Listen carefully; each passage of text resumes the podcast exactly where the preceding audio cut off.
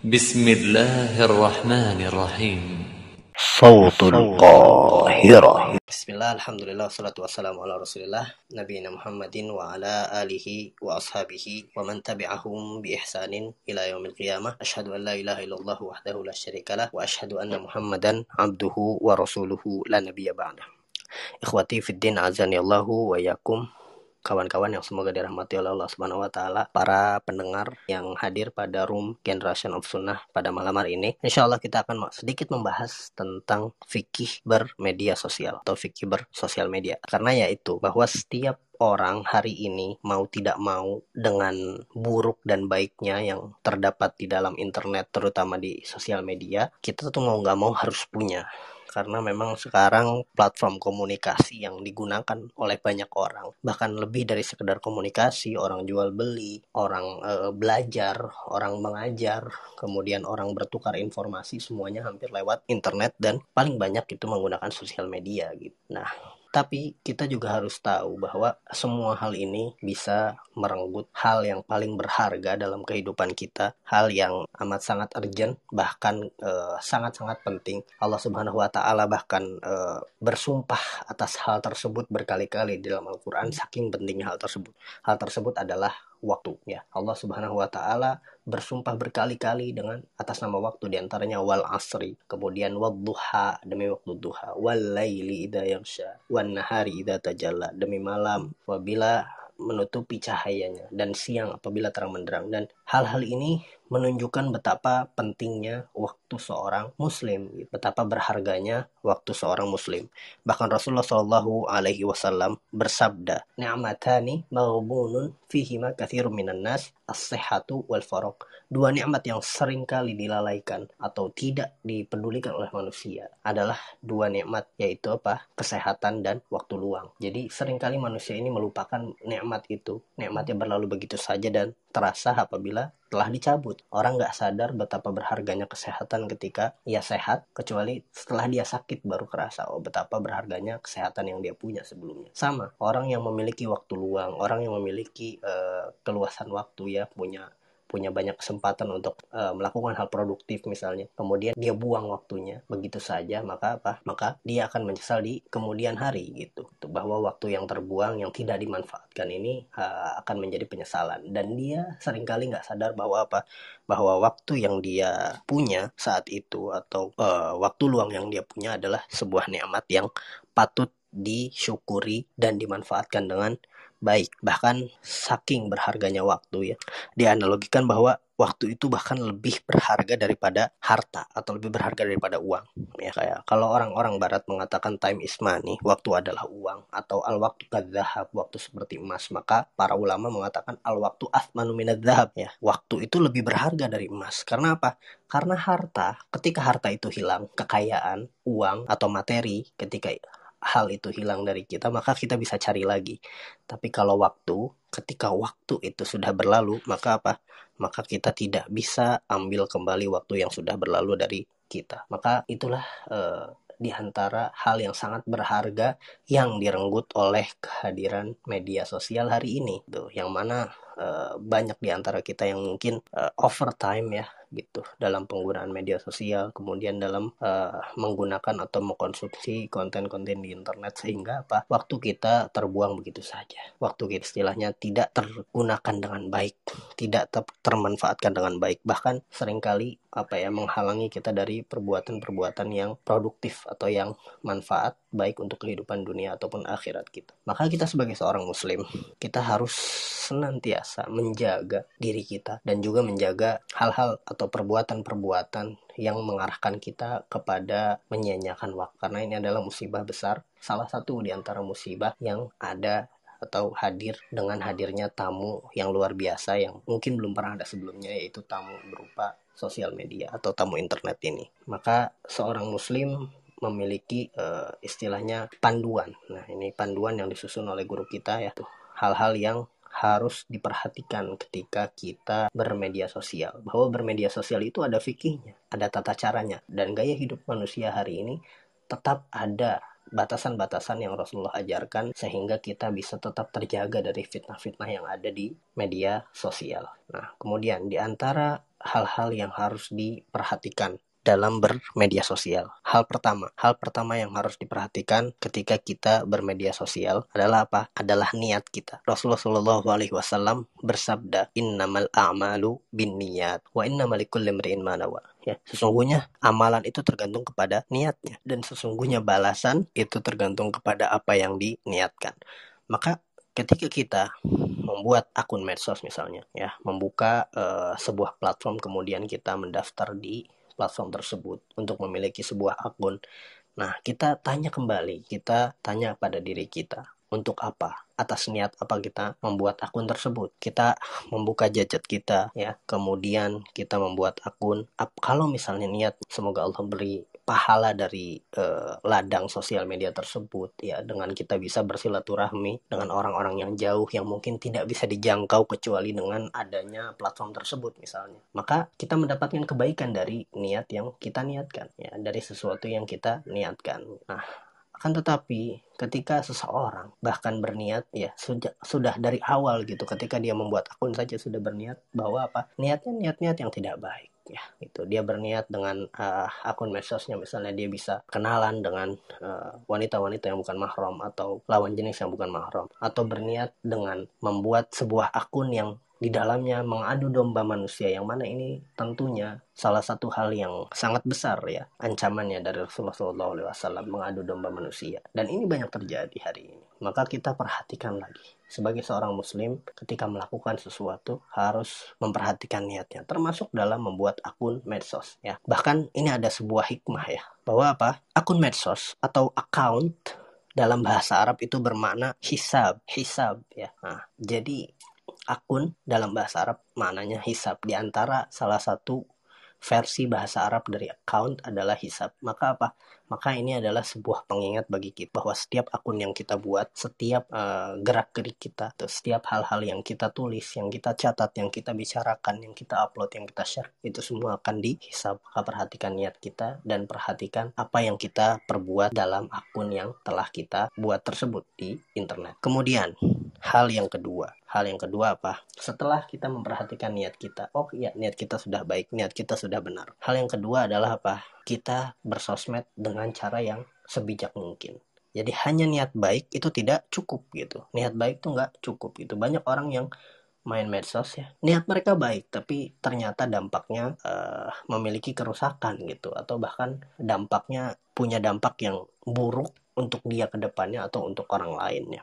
Seperti orang-orang yang misalnya dia menggunakan media sosial dengan serampangan ya, dengan sembarangan kemudian ia menyebarkan informasi-informasi yang tidak benar ya, menyebarkan hoax misalnya atau menyebarkan hal-hal yang eh, tadi ya mengadu domba, dampaknya mengadu domba. Kemudian menyebarkan informasi-informasi yang mungkin menyerang pihak tertentu sehingga eh, terjadilah keributan-keributan yang tidak diperlukan gitu. Yang mana kita harus tahu bahwa seorang muslim ketika melakukan sesuatu dia harus menimbang antara maslahat dan madarat gitu ya. Antara bagaimana impact baiknya atau bagaimana impact buruknya. Nah, kira-kira mana yang lebih berat? Lebih banyak impact baiknya atau impact buruknya? Maka ketika niat kita baik dan ternyata tapi impactnya, impact buruknya itu lebih mendominasi daripada impact baiknya, maka sebaiknya ditahan gitu maka sebaiknya ditahan itu hal apa pun gitu. Ya hal yang kita share hal yang kita baca gitu. Hal yang kita upload itu semua harus kita perhatikan gitu. Kira-kira ini akan uh, menjadi maslahat atau kebaikan untuk saya atau justru malah keburukan atau mungkin untuk orang lain. Maka niat baik saja tidak cukup tapi harus dengan cara yang baik harus dengan cara yang bijak. Di antaranya ya seorang muslim harus tahu bagaimana dia beradab terhadap uh, berita atau informasi yang ada gitu. Terutama di hari ini yang mana penyebaran informasi itu begitu mudah dengan adanya media sosial. Maka sikap seorang muslim. Sekali lagi apa?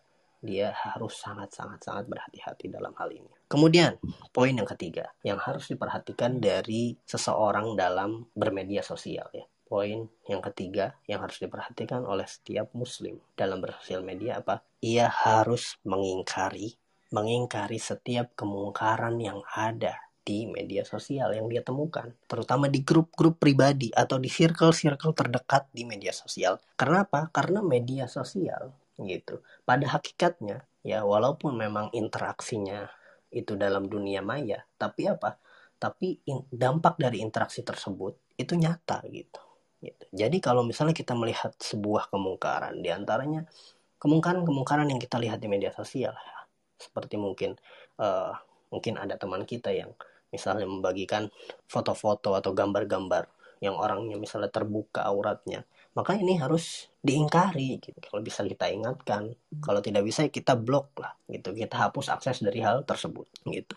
Atau misalnya ya seperti yang ada di platform ini di clubhouse ini gitu. Banyak teman-teman yang mungkin uh, melihat bahwa ada orang-orang yang bermudah-mudahan dalam berkumpul ya gitu. Merasa bahwa uh, kalau berkumpul atau ikhtilatnya di dalam room clubhouse itu tidak apa-apa gitu ya. Ikhtilat tanpa uh, ada kepentingan syari. Kepentingan yang syari di sini maksudnya kepentingan yang jelas yang jelas kebermanfaatannya untuk uh, hal yang dibicarakan gitu.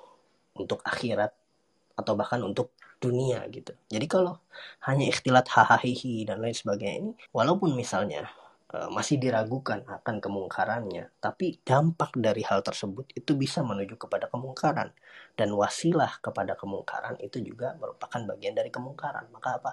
Maka kita harus tutup akses-akses menuju hal tersebut. Nah, kita harus perhatikan ya, manusia hari ini juga banyak dengan keberadaan media sosial ini ya. Naudzubillah beberapa orang-orang mungkin dicabut rasa malunya gitu ya. Gitu dicabut rasa malu dari dalam diri mereka bahwa apa? Bahwa mereka merasa aman ketika di balik layar. Mereka merasa aman ketika di balik uh, layar handphone mereka ya layar gadget mereka.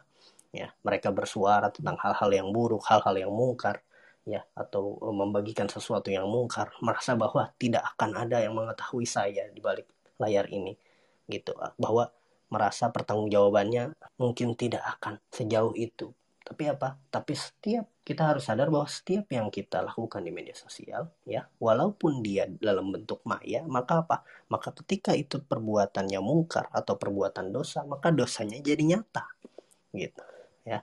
Ikhtilat online atau banyak judi online ya. ya jangan mentang-mentang judi online itu judinya online ya gitu kartunya berbentuk digital kemudian uangnya menggunakan uang yang mungkin digital juga tapi apa ya tapi dosanya tetap sama gitu dan hal-hal lain yang mungkin sekarang berubah kemungkaran itu di dalam internet atau media sosial. Nah, maka hal-hal ini juga harus kita perhatikan. Atau mungkin tren yang akhir-akhir ini juga ada misalnya teman-teman yang karena ada di balik layar kemudian Allah cabut juga rasa malu dari mereka apa mereka menjadi pengemis-pengemis online tidak malu untuk mengirim pesan ke orang lain ya bertanya bahwa saya butuh ini saya butuh ini ya nah ini hal-hal seperti ini harus kita perhatikan. Apakah seorang muslim layak untuk mengikuti tren-tren seperti ini? Gitu. Nah, kita harus perhatikan apa hal yang menjadi kemungkaran yang Allah tidak ridhoi, maka ketika hal itu dilakukan secara online, dosanya tetap sama. Bahkan dampak keburukannya bisa lebih besar daripada sesuatu yang kita lakukan di dunia nyata. Ketika di dunia nyata, kemungkaran yang kita lakukan tidak ada yang menyaksikan misalnya, maka apa? Maka mungkin orang lain tidak akan terpengaruh dengan kemungkaran yang kita lakukan. Tapi kemungkaran yang kita lakukan secara online di media sosial, kemudian terpublish, kemudian orang melihat, kemudian ada yang terinfluence ya, ada yang terpengaruh dengan hal tersebut, maka apa? Maka hal ini bisa menjadi kemungkaran yang lebih berkali-kali lipat ya, gitu. Dan kita tidak sadar.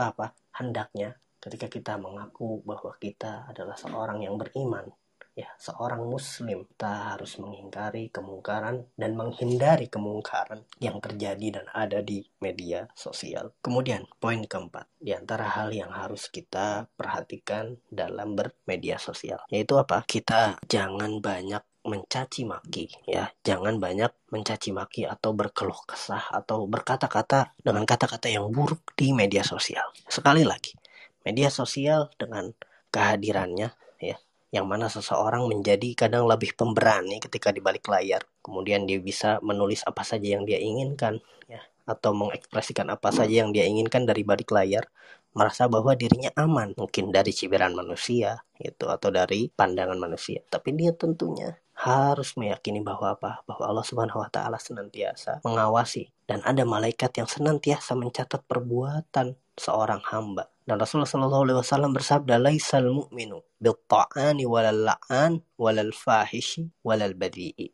Ya, tidaklah termasuk hamba yang mukmin, tidaklah termasuk orang yang beriman, yaitu mereka yang senantiasa mengungkap aib, kemudian melaknat, kemudian berperangai buruk dan suka menyakiti. Nah, itu. Bahwa apa? Bahwa kita sering kali melihat ya, melihat bahwa orang-orang di media sosial ya dengan terang-terangan ya, ya berkata-kata kasar bahkan kata-kata kasar sempat jadi tren yang diikuti oleh banyak orang di media sosial maka seorang mukmin tidak layak untuk mengikuti hal tersebut gitu atau bahkan membenarkan hal tersebut dan harus mengingkari bahwa apa ini termasuk di antara kemungkaran yang ada di media sosial. Maka kita ketika kita di dunia nyata pun dilarang untuk banyak mencaci, ya, mengeluarkan kata-kata yang kotor, ya, mengeluarkan kata-kata yang buruk, maka di media sosial pun hal itu terlarang gitu, gitu.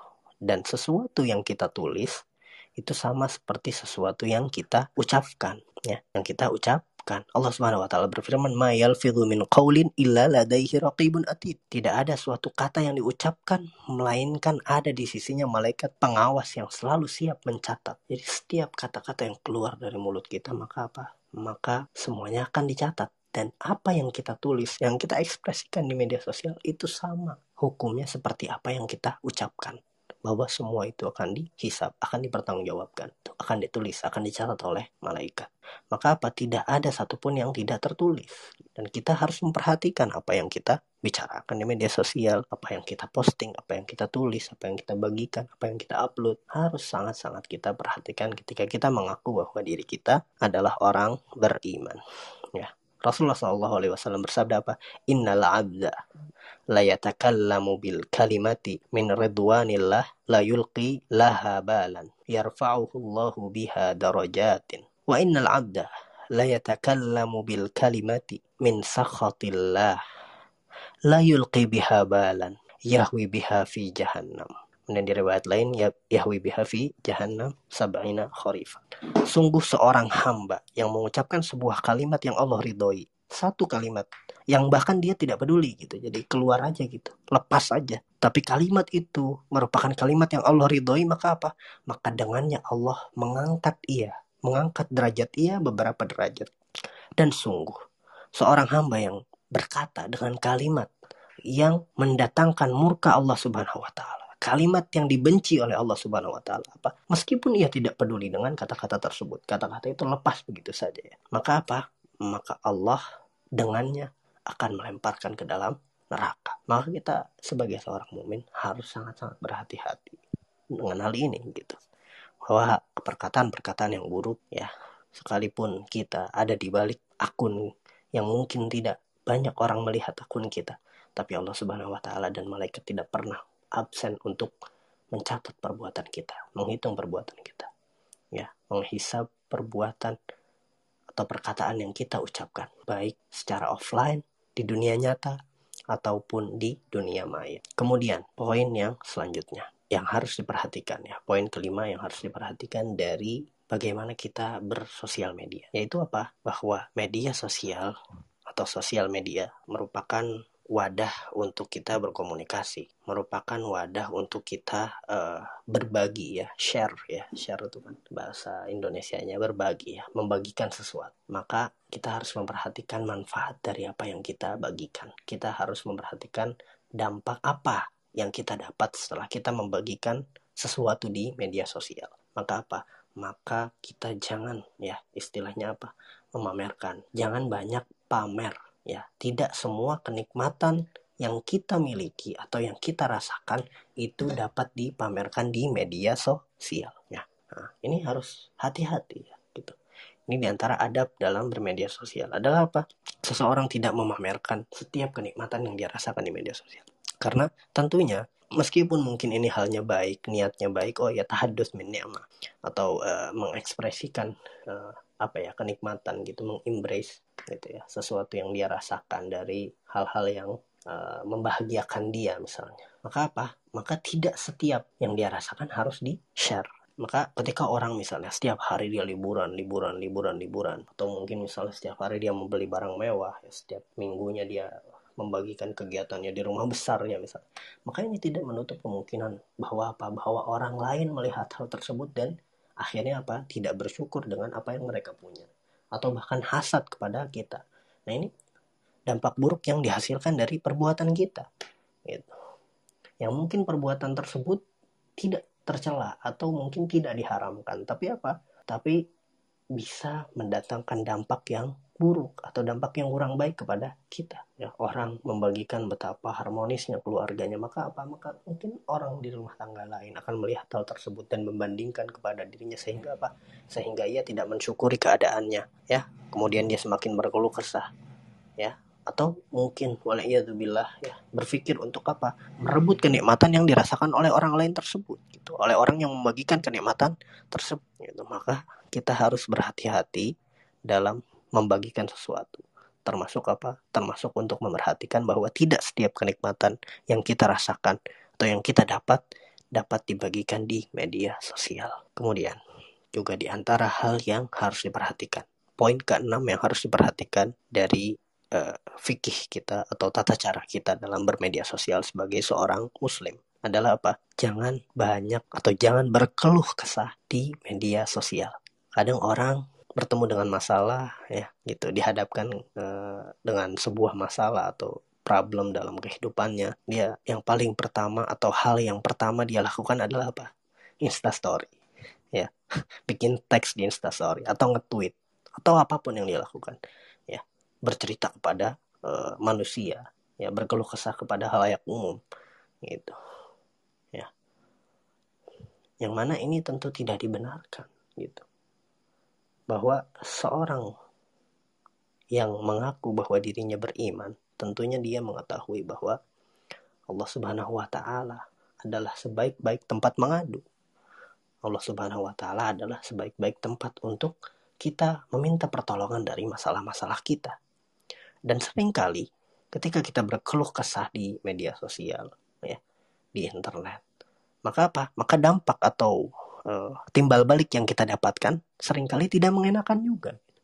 Banyak orang-orang yang justru bukan memberi solusi, malah memperkeruh keadaan. Dan tidak sedikit juga bahwa apa bahwa kesulitan orang lain atau bahkan aib orang lain itu menjadi konten dan konsumsi bagi orang-orang lain juga banyak orang-orang yang akhirnya mengeksploitasi keluh kesahnya atau kesulitannya ini menjadi konten yang sepertinya ya, layak untuk dikonsumsi oleh orang-orang secara umum maka seorang muslim tidak layak untuk melakukan hal yang demikian. Kita harus kurangi yang namanya berkeluh kesah atau bahkan hilang hilangkan yang namanya berkeluh kesah di media sosial. Kita harus tahu bahwa apa? Bahwa seorang muslim dia punya zikirnya, dia punya sholatnya, dia punya doanya, maka hal tersebut yang lebih dia andalkan. Bahwa ribuan followers, jutaan followers yang mungkin memperhatikan hidup kita, terkadang mereka tidak pernah betul-betul peduli dengan hidup kita ya. Kadang apa? Kadang mereka hanya menjadikan hidup kita sebagai tontonan sebagai hiburan bagi mereka kadang tidak benar-benar peduli ketika kita menghadapi sebuah masalah atau problem dalam kehidupan kita maka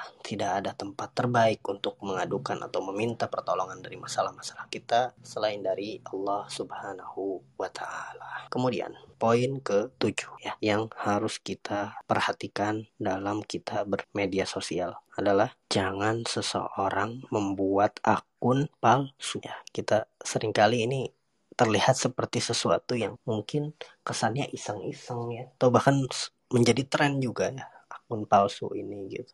Fake account ya. Dengan keperluan tertentu banyak orang yang membuat akun palsu untuk menjadikannya mungkin mesin promosi dan lain sebagainya. Maka harus kita perhatikan bahwa apa? Seorang muslim tidak layak untuk melakukan hal tersebut karena apa? Karena di dalam perbuatan atau pembuatan akun palsu, karena dia berdusta, di dalamnya ada kedustaan. Orang yang membuat akun palsu di media sosial, dia akan memajang pertama foto yang bukan dirinya, info kontak dan usia, ya, atau istilahnya profil yang bukan dirinya. Maka ini tidak layak dilakukan oleh seorang muslim. Seorang muslim tidak berdusta, bahkan dalam hal yang demikian, dalam pembuatan akun. Seseorang yang mengaku bahwa dirinya beriman, dia akan menghindari yang namanya kedustaan apa pun bentuknya. Dan di antara bentuk kedustaan yang ada hari ini adalah apa? Seseorang membuat akun palsu. Poin yang kedelapan yang kita juga harus perhatikan ketika kita bermedia sosial. Yaitu apa? Jangan habiskan waktu kita untuk stalking ya atau untuk melihat akun-akun orang lain ya kemudian mungkin banyak juga ya media-media baru yang hari ini kita lihat ahsan ya atau baiknya seorang yang seorang muslim yang sangat memperhatikan waktunya dia berpikir ketika dia menggunakan media sosial jangan dihabiskan waktunya untuk mantengin atau stalking akun-akun orang lain ya gitu. Atau apalagi buka explore ya itu nggak akan ada habisnya. Nah, yang mana hal ini bisa jadi ya kita juga dengan kita mungkin uh, melihat atau sering istilahnya uh, memperhatikan akun-akun orang lain ya. Ini akan membawa penyakit yang lain. Bisa jadi ada aib dia atau ada hal-hal yang uh, merupakan privacy atau sesuatu yang jadi masalah dalam hidup orang tersebut yang mungkin dibagikan oleh orang tersebut menjadi urusan kita juga. Nah maka tentunya kita sebisa mungkin kita harus menghindari yang namanya informasi-informasi yang menjadi aib orang lain ya. Istilahnya menghabiskan waktu untuk melihat ya stalking akun orang lain untuk menghindari fitnah-fitnah yang mungkin dia dapatkan. Dan juga dia senantiasa harus senantiasa bisa memanfaatkan waktunya untuk hal yang lain yang lebih bermanfaat dari hal tersebut. Kemudian hal terakhir ya, poin terakhir yang disebutkan oleh Ustadz Firandan Hafidullah Ta'ala dalam uh, risalahnya ya fikih bermedia sosial. Itu apa? Seorang ketika mengirim pesan ke orang lain hendaknya dia to the point ya. To the point ya. Dia langsung kepada apa dari atau langsung menyebutkan apa keperluannya.